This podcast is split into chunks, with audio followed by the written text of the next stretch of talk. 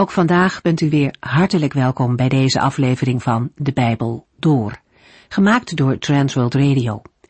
Voor meer informatie kijkt u dan op onze website transworldradio.nl. In deze serie gaat u in vijf jaar tijd met ons de Bijbel door, van Genesis 1 tot en met het laatste vers in Openbaring 22. Onze vorige uitzending was een inleiding op het boek Daniel. Een boek dat uit twee gedeelten bestaat. De eerste zes hoofdstukken beschrijven vooral een van de gebeurtenissen die Daniel meemaakt in Babel. Het tweede deel ontvouwt Gods plannen voor de toekomst. Hoewel gedeelten van deze profetie ook goed passen bij het schrikbewind van de Grieks-Syrische koning Antiochus Epiphanes, ligt de volledige vervulling van de profetie nog voor ons. Gebeurtenissen die Daniel voorzegd heeft, zullen nog komen. Dat alleen al maakt het de moeite waard om dit boek te bestuderen, om zo meer van Gods plannen te ontdekken. De openbaringen die Daniel doorgeeft zijn sowieso heel actueel.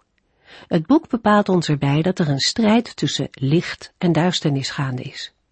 En ook vandaag probeert de vorst van de duisternis mensen bij God vandaan te houden. Het boek Daniel moedigt ons aan om in het licht te blijven, om standvastig te zijn en geen compromissen te sluiten. Want juist ook in dit boek zien we dat de Heere overwinnaar is. Dat hij trouw is aan degenen die trouw aan hem zijn. Daniel is geboren in Jeruzalem, in de tijd van koning Josia. Deze jonge koning zuiverde het land van afgoderij en keerde zich tot de Heere. Josia, maar ook de profeten Jeremia en Zefania zullen een positieve invloed hebben gehad op de jonge Daniel. Daniel is van hoge, wellicht koninklijke afkomst. Hij is een jaar of twintig als hij samen met andere jonge mensen van adellijke families door de troepen van Nebukadnessar naar Babel wordt gevoerd. Vandaag lezen we wat hij daar meemaakt. En we beginnen in hoofdstuk 1. In de vorige uitzending hebben we na de inleiding het eerste vers gelezen van Daniel 1. Laten we het vers nog een keer lezen. Drie jaar na de troonsbestijging van koning Joachim van Juda, voerde koning Nebukadnessar van Babel een aanval uit op Jeruzalem en de Heere schonk hem de overwinning op Joachim. Om te beginnen vinden we in vers 1 een precieze tijdsaanduiding van de gebeurtenissen waarmee het Bijbelboek begint. De woorden brengen de inneming van Jeruzalem door Nebukadnessar in herinnering. Koning Joachim van Juda was toen al oneervol aan zijn einde gekomen. De geschiedenis van Daniel begint op een moment dat er sprake is van geweldige veranderingen in de geschiedenis van Israël en de wereld. Niet voor niets wordt hier voor het eerst Babel en Jeruzalem in één adem genoemd. Daarbij gaat het om de wereldstad Babel en de stad van God, Jeruzalem. Beide komen we ook tegen in het laatste Bijbelboek Openbaring. Babel als de machtige hoofdstad van de wereld, die zich tegen de Heere verheft en ondergaat in het vuur van Gods oordeel. Maar ook Jeruzalem, de stad van God, die tot in eeuwigheid het stralende middelpunt zal zijn van de nieuwe aarde. Maar zover is het in Daniel 1 nog niet. Menselijk gesproken lijkt het er in het eerste hoofdstuk van Daniel niet op dat het ooit zover zal komen. Allereerst lezen we over Joachim. Hij is een nakomeling van koning David, een zoon van de vrome koning Josia, die in 609 bij Megiddo sneuvelde in de strijd tegen farao Nego van Egypte.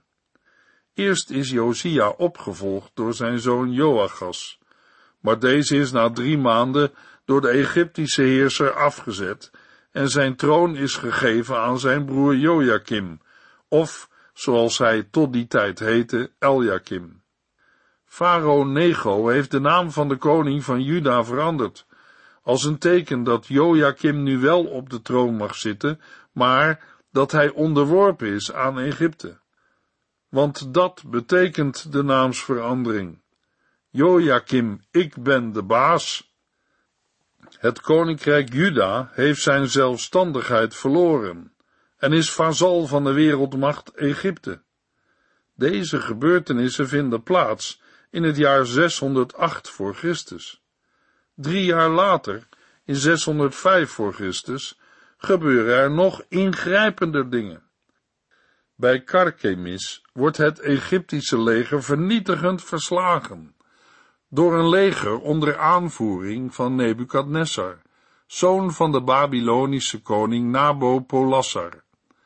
Deze heeft een aantal jaren voor deze gebeurtenissen Nineveh, de hoofdstad van het voormalige wereldrijk Assyrië, veroverd en een eind gemaakt aan de Assyrische overheersing.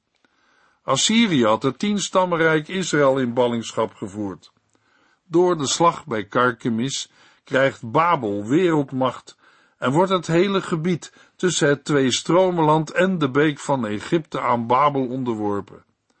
Zo gebeurt het dat een Babylonisch leger voor de poorten van Jeruzalem verschijnt. Zij eisen de stad op voor Nebukadnessar, die inmiddels koning is geworden na de dood van zijn vader. Nebukadnessar heeft ruim veertig jaar een beslissende rol gespeeld in de geschiedenis van het Midden-Oosten. Voor zover wij kunnen nagaan, is Jeruzalem in 605 voor Christus niet echt belegerd. Dat was wel het geval in 597 voor Christus. Voorafgaand aan de verwoesting in 586 voor Christus heeft Babel gewoon de macht van Egypte overgenomen. En Joachim heeft niets te zeggen.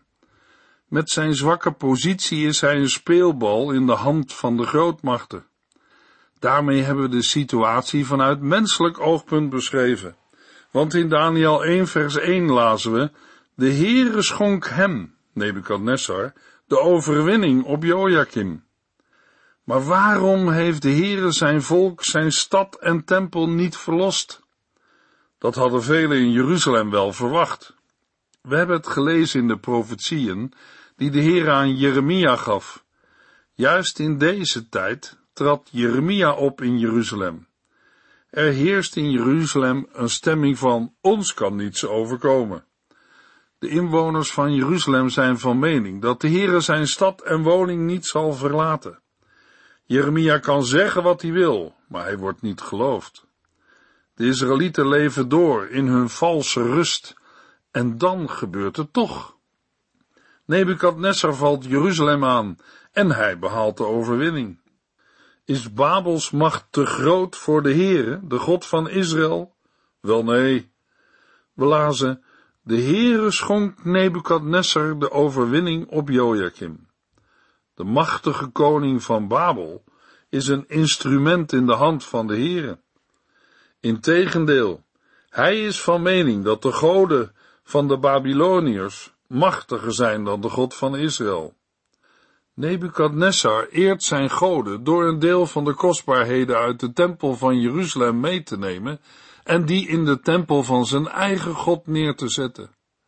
Daniel 1 vers 2 Bij zijn terugkeer nam Nebukadnessar uit de tempel van God een deel van de heilige voorwerpen mee.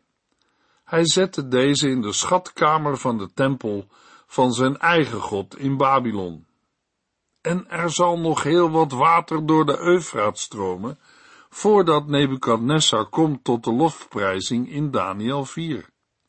De laatste woorden van deze wereldleider lezen we pas in Daniel 4 vers 37.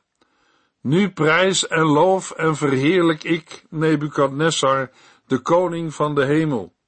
Hij is oprecht en leidt ons op juiste en goede wegen. Hij bezit de macht hoogmoedigen te vernederen. Door alles heen laat de Heilige Geest ons zien dat de Heere regeert. Hij is de eigenaar van de wereld, de gebieder van de volken, de God van de geschiedenis. Bij alle donkere wolken die zich boven Jeruzalem samenpakken, en bij alle dreigingen die we in het Bijbelboek Daniel tegenkomen, is dat een geweldige en rustgevende gedachte. De Heere leidt alle dingen naar zijn raad en wil.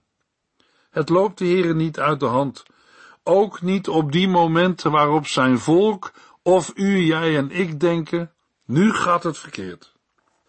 Ondertussen zit er toch wel iets dreigends in de woorden. De Heere schonk hem de overwinning op Joachim. Wat is er dat God zijn verbondswraak gaat uitvoeren en Juda en zijn koning treft? We hebben het al eerder bij andere profeten gelezen. De Heer is genadig en barmhartig geweest tegenover zijn volk. Hij heeft eeuwenlang gewaarschuwd door middel van zijn profeten. Vroeg en laat is hij tot het volk gekomen met de boodschap van bekering en terugkeer tot hem. Maar het volk Israël wilde niet luisteren naar zijn stem, hoe lieflijk, hoe dringend, hoe ernstig die ook klonk. Nog vlak voor de gebeurtenissen van vers 1 heeft de profeet Jeremia Joachim en het volk gewaarschuwd, maar het hielp niets. Juda dient de afgoden en Joachim verwerpt de woorden van Jeremia en zet de profeet gevangen. De koning en de inwoners van Jeruzalem willen er niet aan, totdat het te laat is. Want de Heere doet hier wat hij bij monden van Mozes al in het Bijbelboek Deuteronomium heeft gezegd. Hij geeft zijn volk over in de handen van de vijanden die het verdrukken. De machtige Nebukadnessar is instrument in de straffende hand van de Heere. De Heere schakelt deze machthebber in om te tonen dat zijn woorden altijd trouw en oprecht zijn, ook als de Israëlieten Gods wetten overtreden. Juda wordt gestraft, maar het is de straf van een God die zijn volk niet eeuwig heeft verstoten en die nog denkt aan zijn verbond. Want waar wil de Heere met al deze dingen naartoe? dat Israël vanuit de benauwdheid van de ballingschap weer zal gaan roepen tot hun God. Maar het is wel duidelijk dat dit niet de bedoeling van Nebukadnessar is, en nog minder van de grote tegenstander van de Heer en zijn volk. Satan wil Jeruzalem van de aarde doen verdwijnen. Want, en dat is de andere kant van de medaille, hier is het rijk van de duisternis bezig zijn macht te vestigen. En de vorst van de duisternis begint bijna nooit met geweld. De schrijver van het Bijbelboek Daniel heeft dat door, maar hij wordt dan ook geleid door de Heilige Geest. In de Hebreeuwse tekst van vers 2 noemt hij de naam Siniar. In onze vertaling staat Babylon. Daniel wil de dingen laten zien zoals de Heere ze ziet. Babylon heeft min of meer een neutrale klank. Nog wel, al zal dat binnenkort veranderen. Maar bij de naam Siniar gaat een rood lampje branden, want Siniar is het land waar de mensen woonden die zich na de zondvloed tegen God verzetten. Het is het land van een menselijke hoogmoed, van menselijk machtsstreven en van goddeloosheid. Nebukadnessar is hier wel instrument in de hand van de Heere maar hij staat vijandig tegenover de Heer en zijn volk. Hij zal alles doen wat hij kan om Gods volk gelijk te schakelen met de wereld en het te brengen binnen de invloedssfeer en tenslotte onder de macht van de vorst van de duisternis. Dat zijn ook voor ons actuele zaken. Er is daarom reden genoeg om verder te luisteren naar de boodschap van Daniel. Daniel 1 vers 3 tot en met 5. Toen liet hij Aspenas, het hoofd van de hofhouding, bij zich komen en gaf hem de opdracht enkele Israëlieten naar Babel te halen. Zij moesten van koninklijke en voorname afkomst zijn. Aspenas moest hun les geven in de taal en de wetenschap van de Galdeën. Zoek de sterkste, gezondste en mooiste jongens uit, zei de koning. Ze moeten een grote belezenheid, een uitgebreide kennis en een scherp verstand bezitten. Kortom, het moeten jongens zijn, geschikt om in een paleis dienst te doen. De koning stelde een dieet op van het beste voedsel en de beste wijn uit de koninklijke keuken. Drie jaar lang moesten zij de opleiding volgen en daarna zouden ze bij hem in dienst komen. Wie het eerste hoofdstuk van Daniel oppervlakkig doorleest, is geneigd te denken dat het om een spannend jongensboek gaat. Interessant om te lezen. en jongens om respect voor te hebben. Maar, wat heb je er vandaag aan en wat doe je ermee? Maar wij moeten de Bijbel niet oppervlakkig lezen. Wij moeten ons door de Heilige Geest op Gods spoor laten zetten en dan ontdekken we andere dingen. We lezen dat er een aantal van de meest intelligente jongens van koninklijke en voorname afkomst naar Babel worden weggevoerd. Van koninklijke afkomst betekent uit de familie van David. We zien hierin dat de Heere zijn woord houdt en de zonde straft. In 2 Koningen 20 vers 18 lezen we daarvan de achtergrond en de daar uitgesproken profetie wordt nu vervuld. De wegvoering van een aantal jonge mensen is in het licht van de bijbelse verhoudingen heel triest. Zonen van de koning van Jeruzalem moeten dienst doen aan het hof van de koning van Babel. De heerschappij die aan Davids huis was toegezegd, lijkt verder weg dan ooit. Is de schoonheid van het huis van David voorbij? Is zijn troon verdwenen? Als we de prinsen en de andere voorname jongeren als een soort gijzelaars zien vertrekken uit Jeruzalem, is er alle reden om te vragen, zullen Gods beloften nu hun vervulling missen? Luisteraar, u kunt het op uw vingers narekenen. Dit wordt niets meer. Die jongens, hoe oud zijn ze? Hooguit veertien jaar? Die redden het toch nooit daar in Babel? De wereld krijgt over hen de overhand. De overste van deze wereld, Satan, heeft een beslissende slag geslagen in de strijd met het koninkrijk van God, want wie de jeugd heeft, heeft de toekomst. Bij een oppervlakkig doorlezen van de eerste hoofdstukken van het Bijbelboek Daniel zou je er niet direct opkomen. Maar ten diepste gaat het, ook hier, om de strijd tussen het koninkrijk van God en het rijk van de duisternis, van Satan. Die strijd speelt zich niet alleen af rond een brandende oven en een leeuwenkuil, maar die begint al bij de wegvoering van een aantal jonge mensen naar Babel.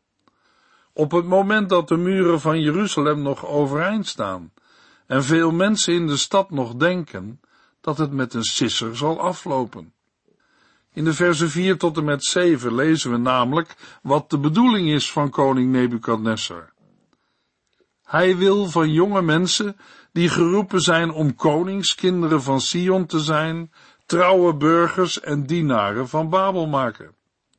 Om dat te bereiken zet hij drie middelen in. Allereerst geeft hij opdracht om de jonge mensen, die in Jeruzalem onderwezen werden in de wet en de woorden van de Heere, nu te onderwijzen in de taal en de wetenschap van de Galdeën. De taal van thuis moeten ze afleren om de taal van de wereld van Babel te leren spreken en in die taal te leren denken. Daarmee komt de godsdienst van thuis ook in gevaar. Ze moeten zich nu verdiepen in de wetenschap van de Galdeën. Dat is inclusief hun godsdienst met zijn toverij en waarzeggerij vanuit de sterren. In de tweede plaats krijgen de jongeren ander eten, erg aantrekkelijk, van de tafel van de koning, het beste van het beste. Niet gerelateerd en getoetst aan de Joodse voedselwetten. Is het een poging om de weggevoerden te vervreemden van hun achtergrond en hen gelijk te schakelen met de wereld om hen heen? In de derde plaats geeft Nebukadnessar hun ook andere namen. Daniel 1, vers 6 en 7. Onder de uitgekozen jonge mannen bevonden zich ook vier jongens uit Juda.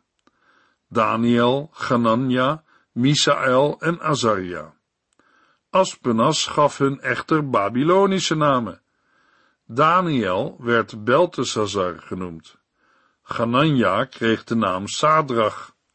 Misaël noemde hij Mesach en Azaria werd Abednego. Het geven van een andere naam heeft iets met macht te maken. Iemand krijgt de naam van degene die gezag over hem heeft. Het is bijvoorbeeld heel zinvol dat op een zendingsveld mensen die christen worden, bij de doop ook een andere naam krijgen, als een teken dat de Heere zeggenschap over hun leven heeft gekregen. Maar hier speelt nog wat meer. Daniel en zijn vrienden hebben namelijk prachtige Joodse namen, die stuk voor stuk een beleidenis zijn van wie de Heere is voor een mens. Daniel betekent mijn rechter is God. Ganania is onze naam Johannes en betekent genadig is de Heere. Misael wil zeggen wie is wat God is. En Azaria betekent helper is de Heere. En al is de betekenis van de Galdeese namen wat onzeker, zoveel is toch wel duidelijk, dat we daarin de namen van de goden van Babel tegenkomen, namelijk goden Bel, Nebo en Marduk. Beltesazar, Sadrach, Mezach en Abednego, het zijn namen die de macht van Babels goden spellen en zeggen. Deze jongens worden met hun namen aan hen gewijd. Zij moeten dienaren van de goden van Babel worden. Luisteraar, als wij deze dingen lezen en overdenken, dan zijn het actuele zaken. Ook vandaag is er strijd tussen het rijk van God en van Satan, tussen het rijk van Christus en van de Antichrist. En die strijd is vooral een geestelijke strijd die inzet bij de jeugd. Die strijd wordt jongeren niet bespaard. Er komt vandaag heel wat op mensen af. Wij leven midden in een zondige wereld. Er wordt aan alle kanten aan ons getrokken, ook aan de jongeren. Wij mensen kunnen het niet ontlopen, en ook onze kinderen niet. Gelovigen leven niet op een eiland, maar midden in de wereld, net als die jonge mannen aan het koninklijke hof in Babel. Mogelijk dat de vurige pijlen van Satan er vandaag anders uitzien dan in de tijd van Daniel, maar het blijven vurige pijlen, die tot doel hebben om te verwonden en uit te schakelen. Wij moeten het onszelf en onze kinderen steeds weer vragen. Eten wij van de tafel die de wereld heeft gedekt en waarop de verleidingen van deze wereld staan uitgestald? Zo'n beetje alles kan onze huiskamers binnenkomen via de moderne media en internet. Alleen, wie is er heer en meester over de knoppen en de afstandsbediening? Drinken wij en onze kinderen van de wijn van de wereld die de remmen losmaakt en stimuleert om mee te doen in plaats van anders te zijn? Kunnen jongeren thuis, op school of in de kerk nog leren dat de Heer het allerhoogste en eeuwig goed is? Hij is het voedsel dat verzadigt en het drinken dat de dorst lest. Namen van mensen, zaken en organisaties zijn tegenwoordig helemaal niet meer verbonden met een godsdienstige betekenis. Sommige mensen schamen zich voor een christelijke naam. Maar als het zaad van het evangelie vandaag verloren gaat, is ook de oogst van morgen verloren. Gelukkig is dat niet afhankelijk van mensen maar wij hebben daarin wel een verantwoordelijkheid. Daarom is in de gemeente van Christus goed kinder- en jeugdwerk van groot belang. Daniel 1, vers 8 tot en met 14. Daniel nam zich voor niets te gebruiken van het eten en de wijn die zij van de koning kregen, want hij wilde zich aan de reinheidsvoorschriften houden. Hij vroeg Aspenas of hij in plaats daarvan ander voedsel mocht eten. God zorgde ervoor dat deze man aan de wens van Daniel tegemoet kwam. Hij zei echter wel, ik ben bang dat je mager en bleek zult worden in vergelijking met de andere jongens van jouw leeftijd. En als de koning, die zelf het dieet heeft vastgesteld, dat ziet, krijg ik problemen. Daniel sprak erover met de kamerheer, die door Aspenas was aangesteld, om voor hem en Ganania Misaël en Azaria te zorgen. Daniel stelde hem voor, neem dan tien dagen met ons de proef, door ons uitsluitend groenten en water te geven. Na deze proefperiode moet u ons uiterlijk vergelijken met dat van de andere jongens die wel van het voedsel van de koninklijke tafel eten. Dan kunt u altijd nog besluiten of u ermee doorgaat of niet. De kamerheer ging ermee akkoord het tien dagen te proberen. Luisteraar, ik vind vers 8 een prachtig vers, omdat niet meedoen en anders willen zijn, beginnen met het maken van een keuze in je hart. Zo staat het ook letterlijk in het Hebreeuws. Daniel kiest er in zijn hart voor om niet mee te doen met eten van de koninklijke tafels. Hij wilde zich aan de reinheidsvoorschriften houden. Hij wilde doen wat de Heer in zijn woord had vastgelegd. Voor een jonge man van ergens tussen de 15 en 20 jaar vind ik dat een moedige keuze. Hij deed er ook niet geheimzinnig over. Hij vroeg aan het hoofd van de hofhouding of hij ander voedsel mocht eten. Dan lezen we in vers 9: God zorgde ervoor dat deze man aan de wens van Daniel tegemoet kwam. Prachtig. Een volgende hobbel die genomen moet worden, is de bezorgdheid van Aspenas. Vers 10. Ik ben bang dat je mager en bleek zult worden, in vergelijking met de andere jongens van jouw leeftijd. Aspenas is bang voor de gevolgen. En als we in een volgende uitzending Daniel 2 hebben gelezen, dan kijken we daar niet vreemd van op. Een misstap kan je het leven kosten. Nog verwonderlijker is het dat de kamerheer, die weer ondergeschikt is aan Aspenas, blijkbaar toestemming geeft voor een experiment dat vanuit zijn heidense gezichtspunt bij voorbaat tot mislukken was gedoemd. Immers, een jonge man die tien dagen lang alleen maar groente eet en verder alleen water drinkt, die moet wel afvallen. We lazen in vers 14, de kamerheer ging ermee akkoord het tien dagen te proberen. In de volgende uitzending lezen we Daniel 1 vers 14 tot en met 2 vers 1. U heeft geluisterd naar De Bijbel Door, in het Nederlands vertaald en bewerkt door Transworld Radio. Een programma waarin we in vijf jaar tijd de hele Bijbel doorgaan. Als u wilt reageren op deze uitzending of u heeft vragen, dan kunt u contact met ons opnemen. Tijdens kantooruren kunt u bellen op 0342 47 8432. 0342 47 8432. Ook kunt u een e-mail sturen naar de transworldradio.nl en natuurlijk kunt u ook via de post ons bereiken. TWR, postbus 371, postcode 3770, AJ in Barneveld. Dit programma werd gepresenteerd door Cor Weda en Ike André. Techniek was in handen van Odin van Voerkom. En wij allemaal bedanken u voor het luisteren. Graag tot de volgende keer.